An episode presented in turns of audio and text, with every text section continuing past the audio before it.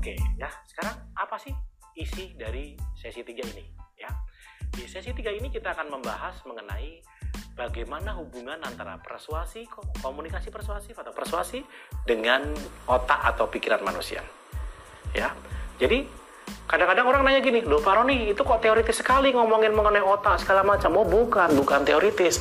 Seperti Anda mau jadi ahli pembalap mobil, Anda mesti ngerti prinsip dasar dari mesin mobil. Anda nggak perlu ngerti semua mengenai mobil, tapi ngerti prinsip dasar, jangan sampai kebalik. Ya, Presnelang salah nanti, pegang remnya keliru, nggak bisa belok dengan efektif karena tidak ngerti cara mengoperasionalkan mesin karena nggak ngerti dari mesin uh, dasar-dasar dari prinsip mesin yang akan anda kendarai. Jadi kita nggak akan belajar secara detail mengenai otak, mengenai teori otak, enggak. Tapi kita akan belajar mengenai prinsip-prinsip cara kerja pikiran yang betul-betul ilmiah supaya bisa dipertanggungjawabkan, nggak cuma pendapat ahli, ya. Kemudian dari pengetahuan itu bisa Anda pakai untuk menentukan apa? Menentukan teknik persuasi Anda. Jadi, sebelum Anda menguasai mengenai cara melakukan persuasi, maka Anda perlu mengerti bagaimana otak ini bekerja atau pikiran ini bekerja. Karena pada prinsipnya, persuasi adalah apa? Cara mempengaruhi otak sebagai organ yang mengelola pikiran dan emosi. Otak adalah bendanya. Dia melakukan berbagai macam fungsi. Dua fungsi yang paling penting adalah ya banyak fungsi penting tentu saja, tapi beberapa fungsi penting yang berkaitan dengan persuasi adalah otak mengelola pikiran dan emosi manusia. Ya, kita di sini tidak akan membahas mengenai teori atau konsepnya. Kita di sini akan membahas otak berdasarkan penelitian dari neuroscience secara saintifik, secara ilmiah. Ya, menurut neuroscience, otak bisa ditinjau secara umum dalam arti triune brain atau tiga bagian otak, gampangnya seperti itu. Ya, jadi bukan pikiran sadar bawah sadar tadi loh ya. Triune brain adalah otak dibagi tiga. Yaitu lihat dalam gambar ini. Yang paling bawah disebut adalah reptilian cortex atau otak reptil. Ya, tentunya dari kata reptil Anda sudah bisa membayangkan itu seperti apa. Ya, di bagian tengah ini ya adalah otak mamalia atau mammalian cortex. Mamalia Anda tahu binatang mamalia, binatang menyusui dan binatang yang uh, melahirkan ya. Jadi di bagian paling bawah adalah reptilian cortex dan di bagian tengah adalah mammalian cortex. Dan di bagian yang paling besar di atas, paling besar hanya dimiliki oleh manusia, disebut oleh disebut dengan neocortex, neo atau new cortex atau human cortex atau otak manusia ya tidak ada di hewan reptil tidak ada di hewan mamalia mungkin ada di beberapa mamalia sedikit tapi di manusia sangat besar seperti itu nah apa hubungannya nih sekarang tiga organ otak ini dengan persuasi. Ya, kita jelaskan dulu mulai dari reptil cortex, ya. Perlu diingat ya, kalau binatang lain selain manusia ya, yang binatang hanya punya otak lebih sedikit atau lebih kecil. Manusia punya fungsi otak yang sedemikian komplit ini menunjukkan bahwa manusia otaknya adalah paling modern, paling bekerja sempurna sebagai ciptaan Allah. Mengetahui cara kerja otak memudahkan kita untuk mempersuasi orang gitu kan ya. Nah, jadi kita perlu tahu dulu tiga masing-masing dari tiga bagian otak ini apa fungsinya. Oke, di sesi ini kita akan mempelajari tiga otak ini apa fungsinya. Sehingga dengan ngerti fungsinya Anda bisa mempengaruhi orang dengan lebih mudah. Otak pertama yang paling bawah yaitu reptilian cortex. Ya, dikatakan reptilian cortex karena otak ini ada di setiap binatang, khususnya binatang reptil dia ada. Apa tuh contoh reptil?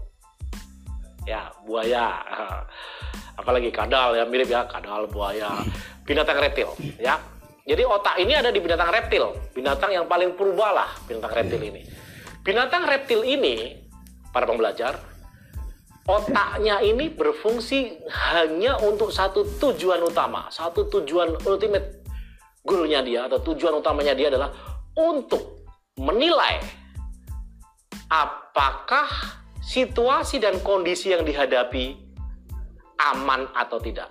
Jadi untuk tujuan faktor security, ya, seekor binatang reptil menggunakan otaknya untuk bereaksi terhadap lingkungannya. Apakah lingkungan situasi kondisi yang dihadapi dia ini apa tadi aman atau tidak? Jika aman, dia akan melanjutkan. Jika tidak aman, reaksinya akan ada tiga macam.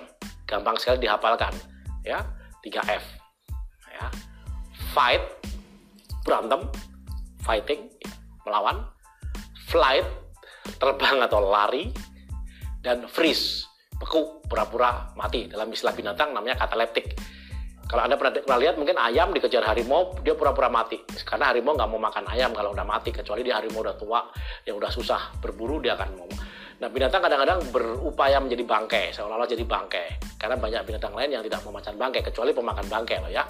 Nah oke okay, kita tidak akan membahas mengenai bangkai dan binatang, kita akan membahas reaksi tadi. Reaksi dari otak reptil adalah menilai kondisi di depannya itu aman apa tidak. Jika aman dia melanjutkan, jika tidak dia akan fight, flight atau apa tadi? Freeze. Nah ingat tadi otak yang sama dengan reptil ini juga dimiliki manusia. Maka manusia pada prinsipnya dalam berkomunikasi khususnya dengan orang yang baru atau dengan ajakan untuk membeli sesuatu, ajakan mencoblos uh, wakil rakyat misalkan atau calon wali kota atau bupati atau orang tua menyuruh anaknya, guru menyuruh muridnya, maka yang dipikiran dari uh, pendengar adalah akan menilai di bawah sadar loh itu ya. Di bawah sadar itu ada organ uh, reptilian kortek tadi yang langsung otomatis dia akan menilai ini aman nggak jika tidak aman, dia akan lawan, lari, atau pura-pura cuek seperti itu, dia abaikan aja. Nah, jadi dalam konteks ini kita jadi tahu bahwa persuasi pada prinsipnya,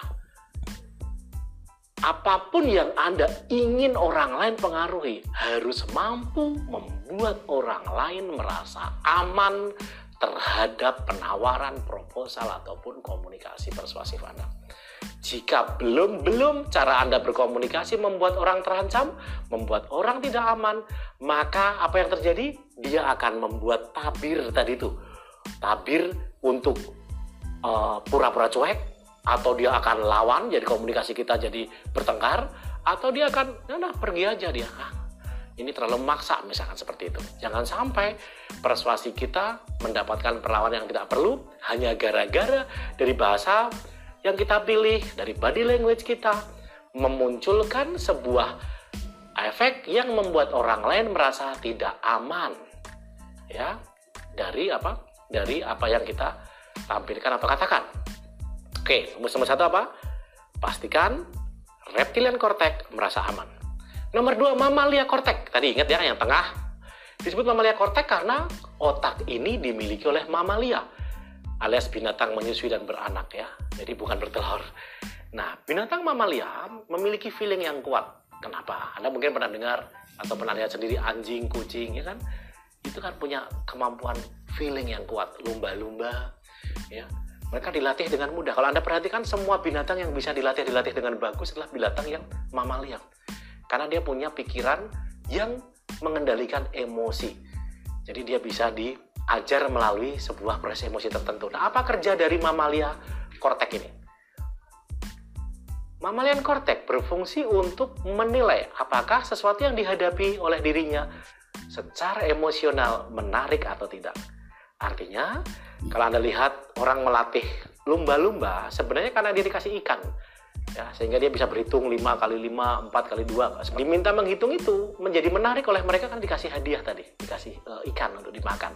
Jadi binatang lumba-lumba bukanlah pintar karena dia pakai otak yang bisa berhitung tapi dia menggunakan emosinya. Ya emosinya dimainkan oleh para pawang itu untuk melatihnya. Singkat kata yang mau kita katakan di sini adalah mammalian cortex otak emosi eh, otak mamalia atau mammalian cortex bekerja untuk menilai apakah situasi yang dihadapin menarik apa tidak. Jika menarik sebuah komunikasi, maka orang akan melanjutkan untuk mendengarkan.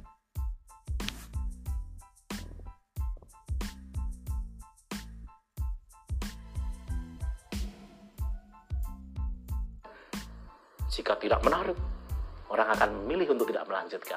Jadi, poinnya apa tadi nomor satu? Komunikasi persuasif harus membuat aman karena akan bisa melalui reptilian kortek dengan lancar. Yang kedua, harus menarik secara emosional supaya bisa melalui mammalian kortek dengan lancar. Nah, yang ketiga otak yang paling gede ini yang disebut sebagai neokortek atau otak manusia, ya. Itu apa bedanya dengan dua otak yang tadi? Bagian ini gede banget menunjukkan bahwa manusia dianugerahi sebuah fungsi otak yang lebih sempurna. Otak inilah otak yang dipakai untuk berhitung, untuk berpikir ya, untuk logika dan seterusnya. Nah, ada satu bagian penting dari otak ini yang disebut sebagai critical faculty atau critical factor atau bagian kritis. Bagian yang hanya ada di pikiran manusia yang dipakai untuk menilai, untuk berpikir, untuk mengevaluasi, untuk berhitung ya, secara matematis, untuk logik. Disebut apa tadi? Critical faculty atau critical factor betul sekali. Di sesi 3 ini kita akan membahas sampai level ini bahwa neokortek adalah gerbang ketiga dari pikiran yang akan mengkritisi sebuah komunikasi. Apakah komunikasi yang didengar oleh seseorang dianggap sebagai logis apa tidak? Ya, manusia akan menggunakan otak ketiga kemudian. Setelah melampaui otak pertama dengan sukses, otak kedua dengan sukses, otak ketiganya akan berpikir ini logis nggak yang disampaikan, masuk akal nggak? Bagian kritis ini.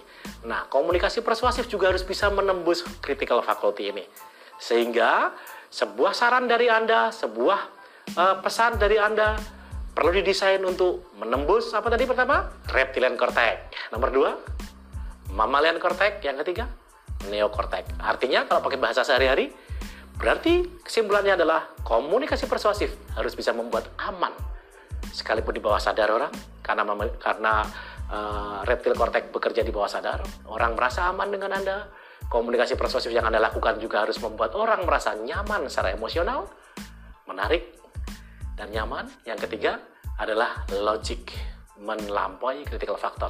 Bagian yang ketiga ini akan kita bahas di sesi berikutnya berkaitan dengan kenapa teknik NLP yang dipakai. Karena teknik NLP ini selain bisa menembus reptilian cortex, mammalian cortex, dan pada khususnya kita garis bawahi luar biasa sekali dalam menembus neokortex. Oke, itu yang paling penting dari sesi 3 ini. Kita akan lanjutkan di sesi 4 lebih mendalam lagi, menambahkan kemampuan Anda untuk persuasi mencapai tujuan yang Anda idamkan. Terima kasih.